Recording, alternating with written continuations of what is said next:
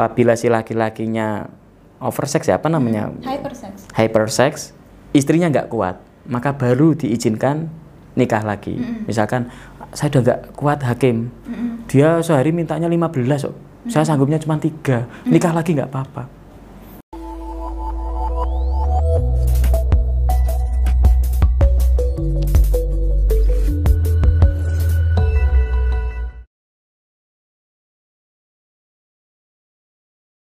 saya hai saya Kang Mas Rohan pelaku poligami katanya Beliau ini adalah seorang parapsikolog ya, Kang ya? ya para psikolog Dan berangkat dari latar belakang spiritual tradisional juga. Dan kebetulan beliaunya ini seperti yang sudah diakui tadi ya, punya first hand experience lah ya, pengalaman tangan pertama soal poligami. Jadi kali ini kita akan bahas soal itu. Kalau misalnya nanti ada pertanyaan-pertanyaan lain yang mau diajukan, boleh nanti tinggalkan di kolom komentar. Langsung saja Kang, gimana kabarnya ini? Alhamdulillah baik Ibu Dewi Sundari. Cuman tadi yang aneh ya, saya nggak setuju dengan poligami, tapi saya dipanggil untuk tema poligami ya. Itu perlu. Oke, Pembicaraan baik, itu baik, baik. Perlu Yang menariknya topik dibicarakan ya. Iya, Baik, luar biasa ini ya tepuk tangan. Nggak setuju tapi mengundang pakarnya gitu. Luar biasa. Soalnya mayoritas demografi audiens saya memang perempuan ya. Oh, baik, baik. Perempuan. Baik. Kita kasih baseline dulu mungkin ya Kang Bu, ya. monggo, Dasarnya monggo. kita poligami itu berarti bahwa satu laki-laki kita ada lebih dari satu istri begitu. Ya, dasarnya kita itu. Nah, kalau eh, pertanyaan yang paling sering muncul saya rasa alasan orang berpoligami itu seperti apa sih Kang? Ya, sebenarnya orang-orang yang berpoligami tidak ada kesengajaan. Awal dasarnya tidak ada kesengajaan, ada niat ya? tidak ada niat. Nah, dasar yang muncul rata-rata orang berpoligami adalah kemampuan ekonomi. Kemampuan ekonomi. Yang kedua adalah sehat. Ya itu. Jadi kemampuan ekonomi ada, yang kedua adalah se sehat. Ini dasar utama dan itu dasar hukum memang dasar hukum. Jadi kalau tidak sehat dan tidak ada ekonomi pun tidak boleh poligami. jadi Itu. terlepas dari minatnya ya Kang. Ya, kalau minat, mohon maaf, semua laki-laki saya kira kalau memang mereka dikasih, minat lah gitu.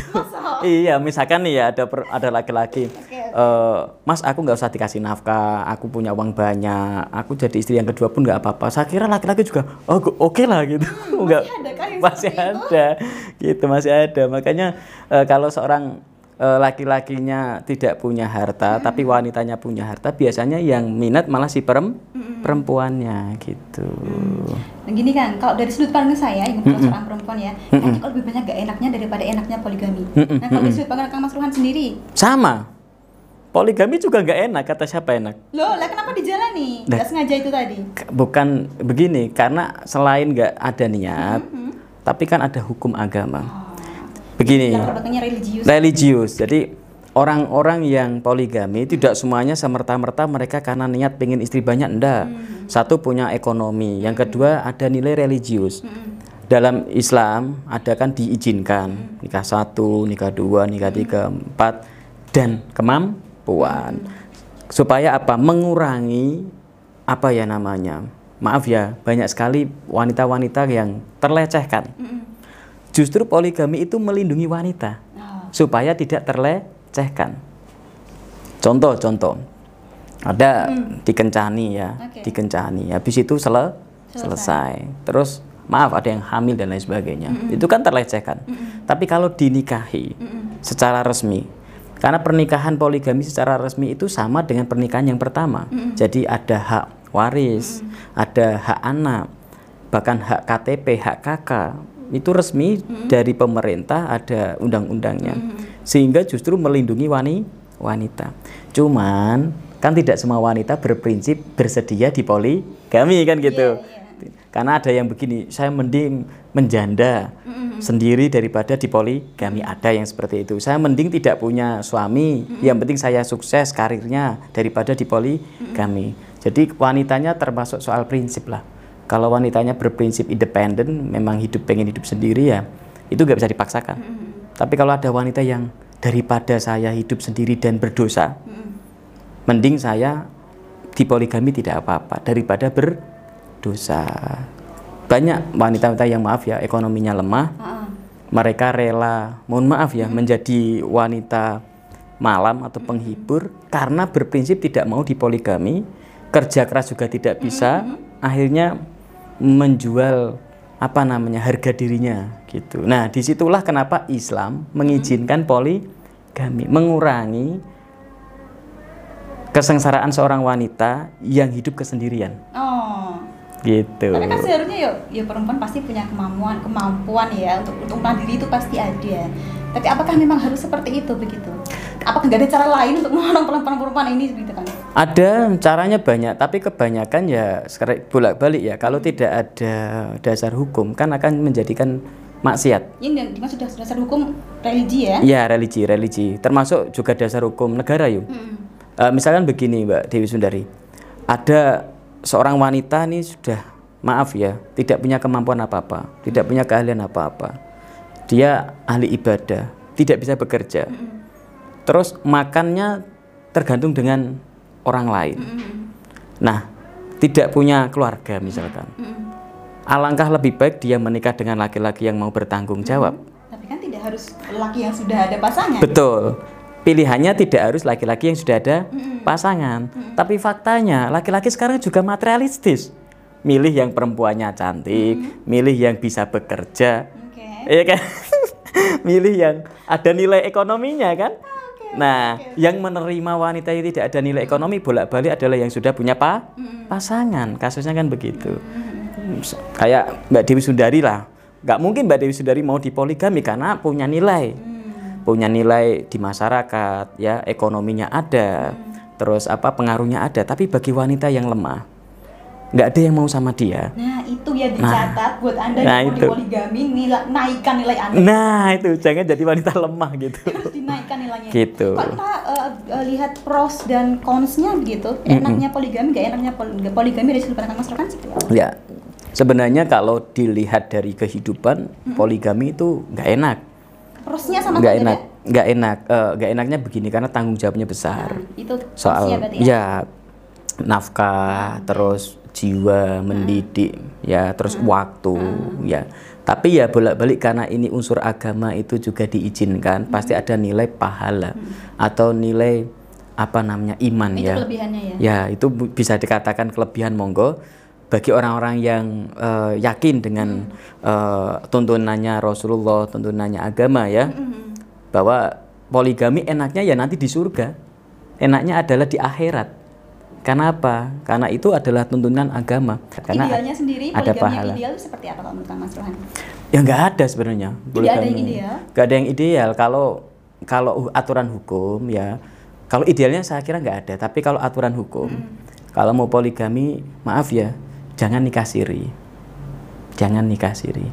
Ya alangkah baiknya ikuti peraturan hukum negara kita, yaitu ada undang-undang, ada pengadilan, yaitu pengadilan agama.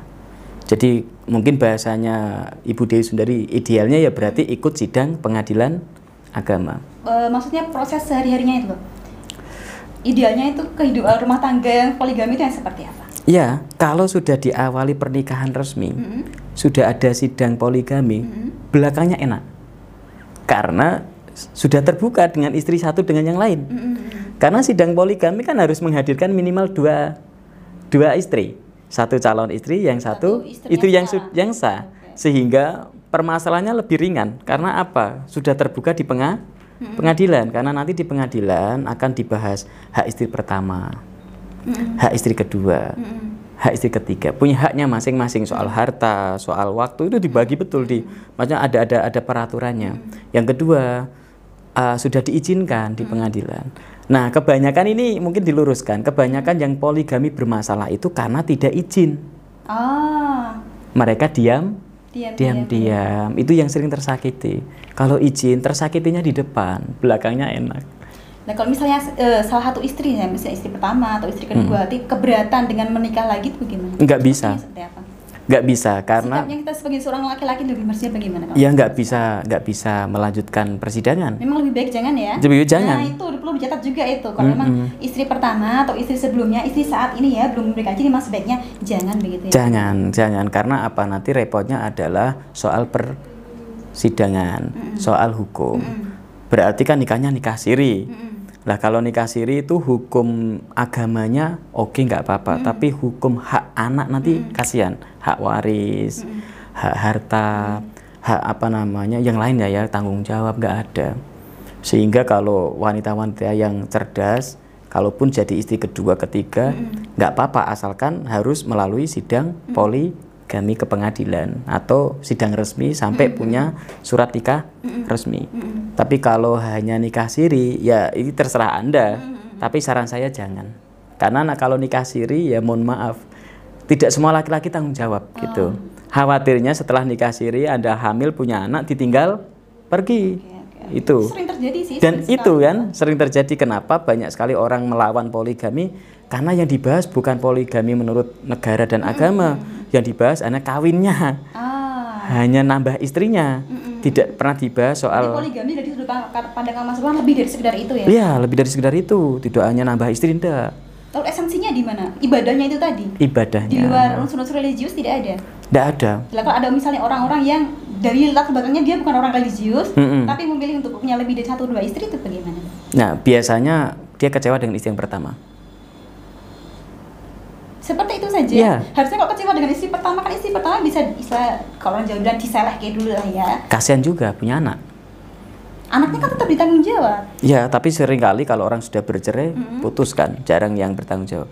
Bia- Kasihan yang jadi jawab. biasanya begini, kalau pengen suami Anda tidak poligami, ya jangan dikecewakan dari awal.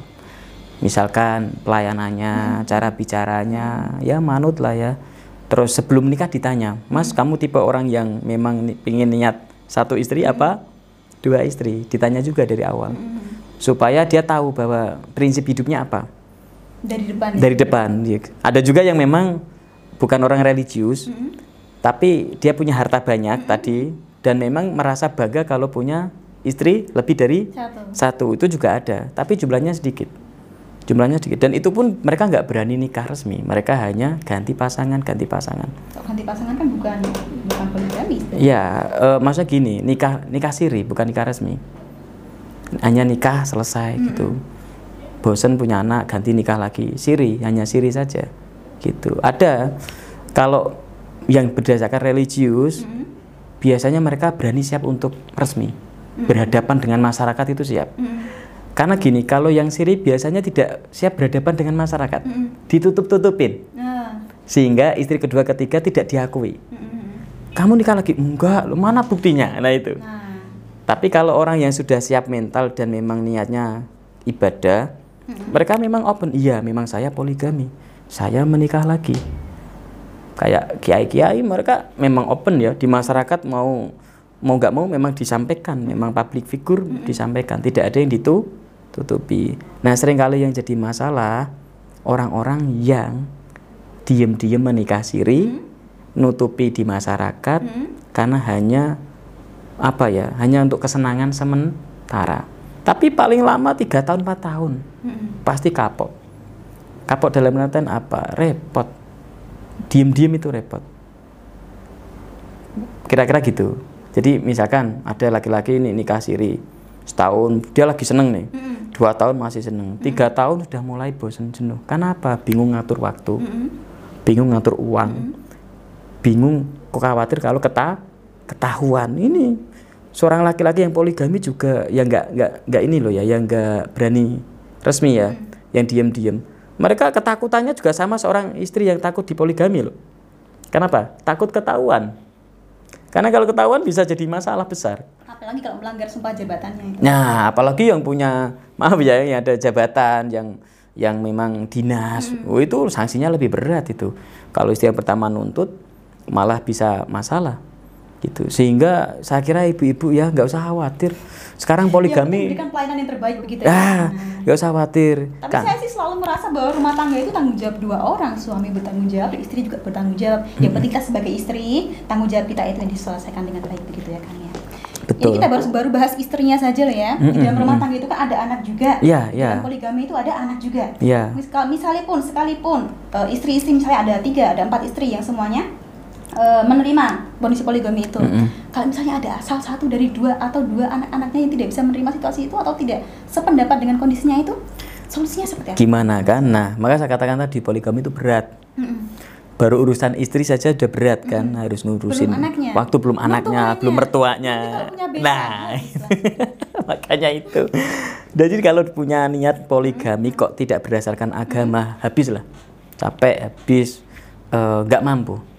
Tapi kalau berdasarkan agama solusinya bolak balik agama Mbak Dewi Sundari mm anak diajak kenal kepada Allah. Mm anak diajak kenal kepada kebaikan. Mm anak diajak kenal kepada Rasulullah. Mm anak diajak kenal kepada ajaran-ajaran mm agama kalau anak-anak kita sudah dididik dengan ajaran agama insya Allah menerima karena yang diterima adalah dasar aga, mm-hmm. agama. Tapi kalau tidak dididik agama, pasti masalah. Harta dimasalahkan. Mm-hmm. Hak waris dimasalahkan. Waktu juga dimasalahkan. Waktu dimasalahkan. Kenapa? Karena papahnya, bapaknya, ayahnya ini hanya batas ekonomi. Mm-hmm. Tapi kalau batas agama, dia punya nilai sendiri. Mm-hmm. Oh, bapakku orang baik. Dia ahli ibadah.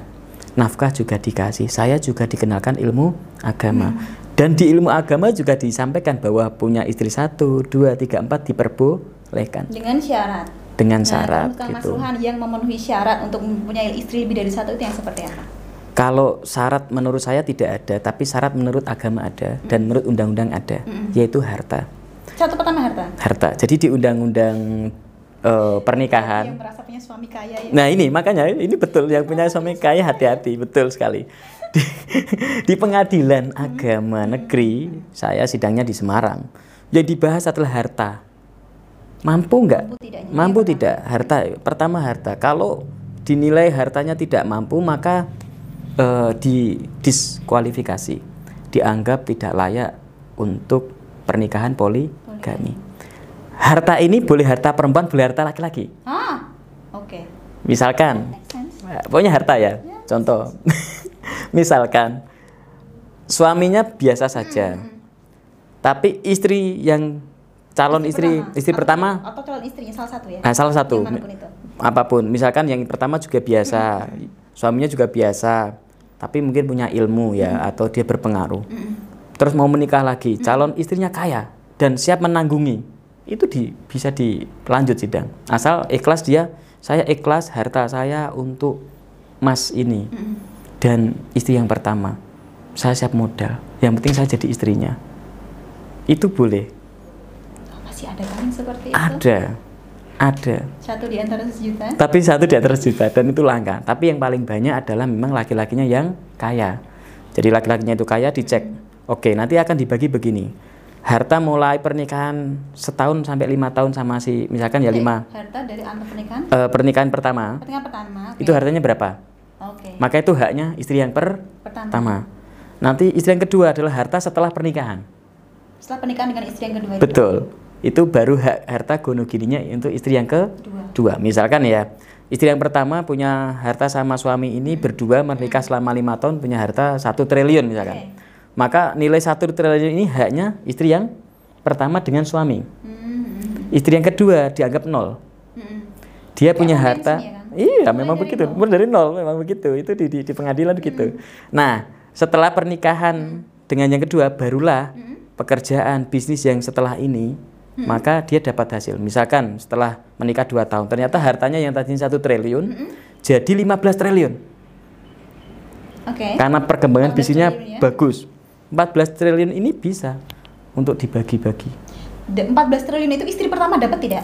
Bila dapat, terserah si suami terserah suaminya. Oh. Karena bisa juga istri yang kedua lebih cerdas dalam mengelola keuangan. keuangan.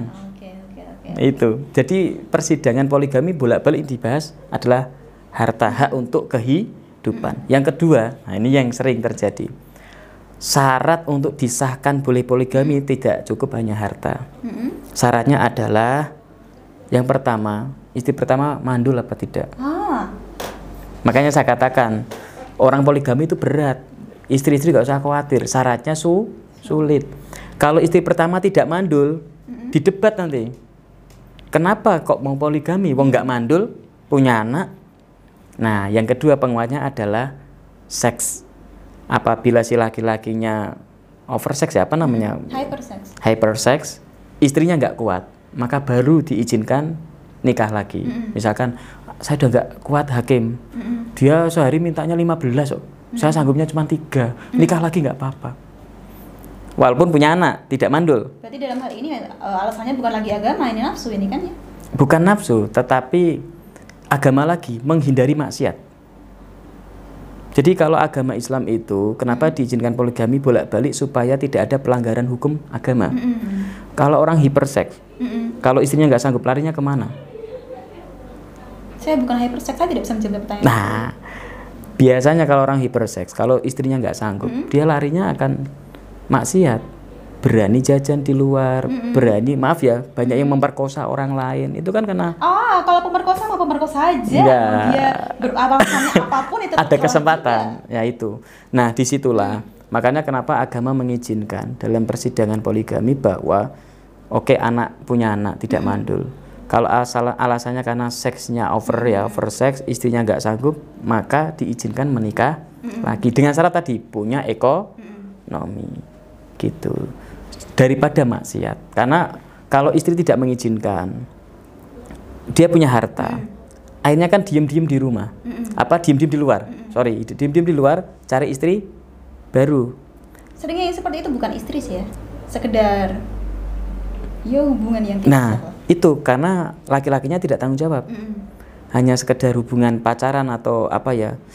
Maaf ya apa istilahnya maksiat ya atau dikatakan ada will ya hmm. wanita idaman lain. idaman lain itu sebenarnya bukan wanita idaman lain itu wanita yang kesempatan untuk apa ya melayani nafsu bejat hmm. nafsunya yang tidak terkontrol di ru di rumah itu jadi mohon maaf ya saya katakan ya memang bejat karena apa selesai ditinggal selesai hmm. ditinggal makanya di Islam dikasih solusi mending menikah saja yaitu poligami daripada mak siat punya uang maaf ya punya uang hmm. datang ke bar datang ke diskotik hmm. senang dengan perempuan dibayar hmm. itu kan maksiat karena hanya pengen menyampaikan hasratnya kan yang di rumah sudah tidak sanggup atau kecewa dengan yang di rumah harusnya oke dengan di, di rumah disampaikan dong harusnya tidak semua wanita sanggup me, apa menerima kepahitan laki-laki gitu nah makanya solusinya hmm. pilihan kan hmm. kalau ini kalau Islam ya, ya yeah. agama solusinya dua hmm. pilihan kalau kamu memang pengen ibadah hmm. ada dua cara hmm. kalau sanggup poligami hmm. menikahlah lagi atau poligami dengan resmi hmm. pengadilan dan agama kalau tidak sanggup maka berpuasalah karena puasa itu mengurangi nafsu. Berpuasa itu mengurangi has hasrat. Sehingga bolak-balik unsur agama. Kalau Anda punya suami yang punya unsur agama yang baik, hmm. ibadah, saya kira insya Allah aman dari maksiat. Kalau dia tidak, tidak nikah lagi, tidak aman dari poligami. ya, makanya tadi kalau tidak dia poligami, hmm. maka dia rajin berpu berpuasa. Nah, orang-orang maaf ya bagi anda yang punya suami tidak punya dasar agama anda harus lebih hati-hati. Harus dibahagiakan diajak ngaji diajak kenal agamanya hmm. Allah diajak apa ya mungkin sholat jamaah diajak baca sholawat bersama diajak ikut pengajian. Karena itu membatasi maksiat dan juga mengamankan dari poli kami juga. Kenapa? Kalau orang-orang yang ahli ibadah hasratnya akan terkendali dengan puasa, zikir gitu. Nah, biasanya yang nakal mungkin disebut tadi Ibu Dewi Sundari bukan poligami tapi nakal di luar karena mereka jauh dari agama. Hartanya banyak. Nikah lagi nggak berani karena istrinya galak misalkan. Mau ya kan? Nikah resmi nggak berani, nikah siri nggak berani. Akhirnya punya wanita lain atau will dan itu pun diam diam-diam tahu-tahu hartanya habis untuk menghidupi wanita mm. lain dan dalam kondisi maksiat yaitu bukan dinikah mm. tapi hanya wanita apa simpanan apa bahasanya hanya ya, ada yang uh, menyebutnya seperti itu. Nah, zaman sekarang kan dibilangnya pelakor bukan ya? Ya mungkin itu ada pelakor, terus wanita simpanan nah, itu itu kan karena tidak punya dasar agama. Kalau orang punya dasar agama dia nggak berani yang namanya maaf ya mm-hmm. ada wanita simpanan pelakor enggak karena mereka akan open. Mm-hmm. Adilnya ya tadi harus diajak mengenal Allah Subhanahu oh. wa taala. Diajak ibadah. Itu yang tanggung jawab akhirannya di situ. Kalau adil soal harta mm-hmm. tadi sudah diatur oleh undang-undang. Mm-hmm. Harta istri pertama, harta istri kedua, sudah ada undang-undang. Kalau adil soal waktu nggak mungkin. Karena nggak mungkin ada orang yang bisa mengatur waktu dengan baik. Ya tentu kurang lebih. Nggak mungkin kurang lebihnya. Tapi kalau adil nah diajak kepada Allah itu bisa. Diajak sholat jamaah diajak ngaji diajak mencari ilmunya Allah. Supaya tahu bahwa memang orang tua sayang dengan anak anak sayang dengan orang tua. Supaya nanti tahu istri-istri dan anak-anaknya bahwa memang poligami itu diizinkan oleh aga, agama daripada maksiat di, lu, di luar. Gitu tapi kalau ini ini menyerahkan sedikit ya. Nggak Tadi kan apa-apa. sempat di depan uh, Kang Mas Ruhan bilang Mm-mm. ini adalah suatu bentuk atau suatu cara, suatu jalan lah untuk Mm-mm. membantu mereka-mereka yang tidak bisa berdiri dengan kakinya sendiri, istilahnya betul seperti itu. betul Tapi cara kita untuk membantu perempuan-perempuan ini kan tidak hanya dengan menikahi mereka saja. ada cara lain Mm-mm. akan tetapi sering kali kalau cara lain ya Mm-mm. dikatakan hanya dakwah jadi cara lain memang dakwah kita dakwah kumpulkan ibu-ibu majelis diajak ngaji. Mm-mm. itu itu cara solusi lain supaya tidak ada pernikahan atau tidak harus poli kami cuman cara dakwah itu kadang kurang manjur. Mm-mm. ah ngomong doang. Karena tidak ada hubungan secara khusus. Makanya zaman kerajaan dulu Mm-mm. dalam dakwahnya selalu ada pernikahan. Ya. Kerajaan mana itu? Misalkan ya kerajaan Sri Sriwijaya dengan Mataram entah anaknya cucunya dikawinkan supaya perdamaian. Oh. paham ya? Oh, zaman-zaman kerajaan ya. Saya lupa nama candinya. Ada Ya. Rakai, zamannya Rakai Pikatan sama Nah, ya, Wardani itu kurang lebihnya seperti Betul, itu ya. banyak sekali. Termasuk zamannya Waliullah, zamannya Sunan Kudus, Sunan Kalijaga, Sunan Muria. Itu kan pernikahannya kan antar wali-wali. Anaknya jadi istrinya ini, kan gitu. Banyak sekali yang memang pernikahan itu sebagai ikatan dakwah yang cepat gitu. Tetapi tidak semua orang mampu melakukan poligami atau pernikahan. Ya, cara lainnya ya memang ikut pengajian. Bagi bapak-bapak yang punya ilmu dan punya harta, ya uangnya untuk membuka pengajian. Ini solusi lain loh ya, solusi lain kalau pengen tidak harus pernikahan iya nggak apa-apa. Ibu-ibu kasih pekerjaan, janda-janda dikasih Cara Kalau kita Iya. tidak bisa, misalnya tidak perlu menjadikan mereka istri, kita Betul. mereka dengan keterampilan itu selesai sebenarnya. Betul, itu solusi yang bagus karena kalau ngasih keterampilan, ngasih pekerjaan, terus ngasih biaya untuk pengajian dan lain sebagainya bisa banyak orang. Kalau nikah kan maksimal empat, kan tetap nggak bakal Hanya nambah lagi. empat orang. Orang saja kan, nggak bisa lebih dari empat kan. Jadi kalau kalau pernikahan nolongnya hanya ngajak dakwahnya hanya empat orang. Tapi kalau eh, yang pengajian atau mungkin ngasih pekerjaan atau mungkin ngasih keterampilan itu bisa lebih dari empat orang, mungkin ratusan. Mungkin bagi suami-suami anda yang kaya-kaya ya disarankan untuk itu aja gitu. disarankan untuk apa namanya eh, eh, membantu wanita lain dalam ranah ekonomi ngasih pekerjaan gitu. Tidak harus dinikah gitu. Cuman memang bolak-balik kalau hanya membantu secara umum dakwah pengajian kurang efektif secara ikatan. Mm-mm. Ya saya begini, saya niat karena alhamdulillah kebetulan saya pelaku poligami ya, saya punya istri lebih dari satu, anak saya pun Pernah banyak. berantem? Kalau saya antar istri alhamdulillah tidak tidak Istri berantem. antar istri? Tidak tidak berantem. Tidak pernah bertemu, tidak pernah berantem. Bertemu pernah, ada beberapa Tapi kan di persidangan kan ada ketemu Oh, kan. semua ya. Ya tidak semua, beberapa dihadirkan kan gitu. Nah kalau berantem tidak, nyatanya di persidangan juga baik-baik saja dan dapat izin surat resmi dari penga- pengadilan. Yang jadi indah kan begini, kalau saya punya anak saya banyak, istri saya banyak. Tadi kenapa hukum Islam ada hubungannya soal anak tadi? Kenapa hukum Islam orang tua justru yang harus hormat kepada anak? Yang dilihat bukan hanya anaknya, tapi anak ini pewaris tauhid. Saya ulangi. Ini kan berbeda dengan ajaran adat tadi. Ajaran adat kan anak harus hormat sama orang tua. Tapi ajarannya Rasulullah malah berbalik. Orang tua harus hormat sama anak. Kenapa? Karena Rasulullah menyampaikan bahwa anak itu pewaris tauhid. Pewaris agamanya Allah. Sehingga orang tua harus menghormati a- anak. Tidak boleh marah-marah, tidak boleh menyiksa anak, tidak boleh mentelantarkan anak, tidak boleh menghina anak itu nggak boleh. Harus menyanjung, menghormati, mencukupi, ngasih nafkah, apa pun keinginan anak yang itu baik-baik saja harus dituruti, kecuali yang tidak baik gitu. Sama, kenapa saya berpoligami? Karena memang unsur agama. Tujuan saya apa? Agamanya Allah bertambah jumlah. Minimal bertambah jum, jumlah. Misal, misalkan istri saya empat, anak saya sepuluh. Berarti kan pengikut saya sebagai dakwah di jalannya Allah berapa? 4 tambah 10, 14. Tambah saya berapa? 15. 15. Anda sendirian. Nah, gitu gitu.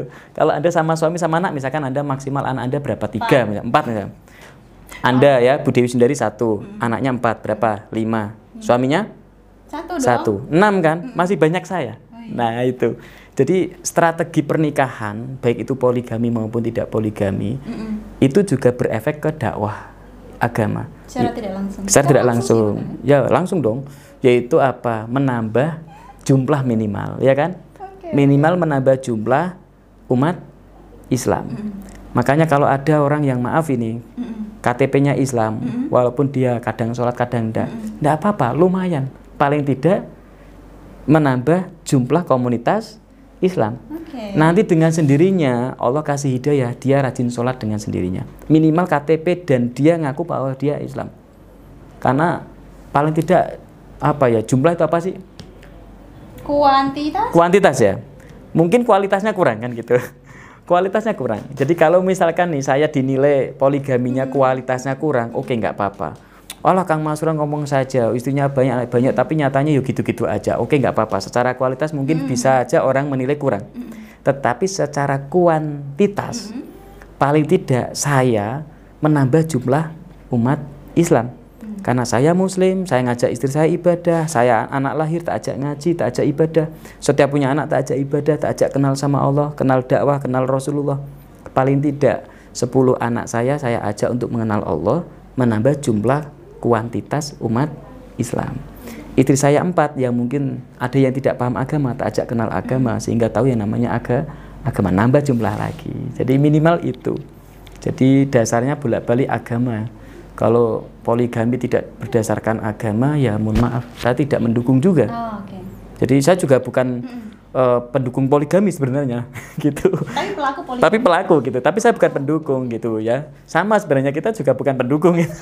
cuman pelaku saja gitu. Oke. Ini obrolannya menarik sekali Kang, tapi mungkin perlu, saya kita selesaikan di sini ya. Ya, baik. Nanti lain kali ada kesempatan lagi kita akan bahas apa yang lebih menarik dari ini atau kita mau bahas apa lagi boleh. Saya ucapkan terima kasih sekali buat Kang Masruan atas kehadirannya. Baik, baik. Saya ucapkan terima kasih juga buat Anda yang telah menyaksikan. Ada pertanyaan apa pun atau komentar apa pun mau atau mau berantem di kolom komentar soal poligami juga silakan. Dan kasih banyak telah menyaksikan. Sampai jumpa di kesempatan berikutnya. Terima kasih ya Baik, Kang ya. sama-sama Selamat Bu hari. Desendari. Oke, sukses sehat. ya. Sehat di sini. Juga yang di Instagram saya. Terima kasih. Assalamualaikum warahmatullahi wabarakatuh. Waalaikumsalam.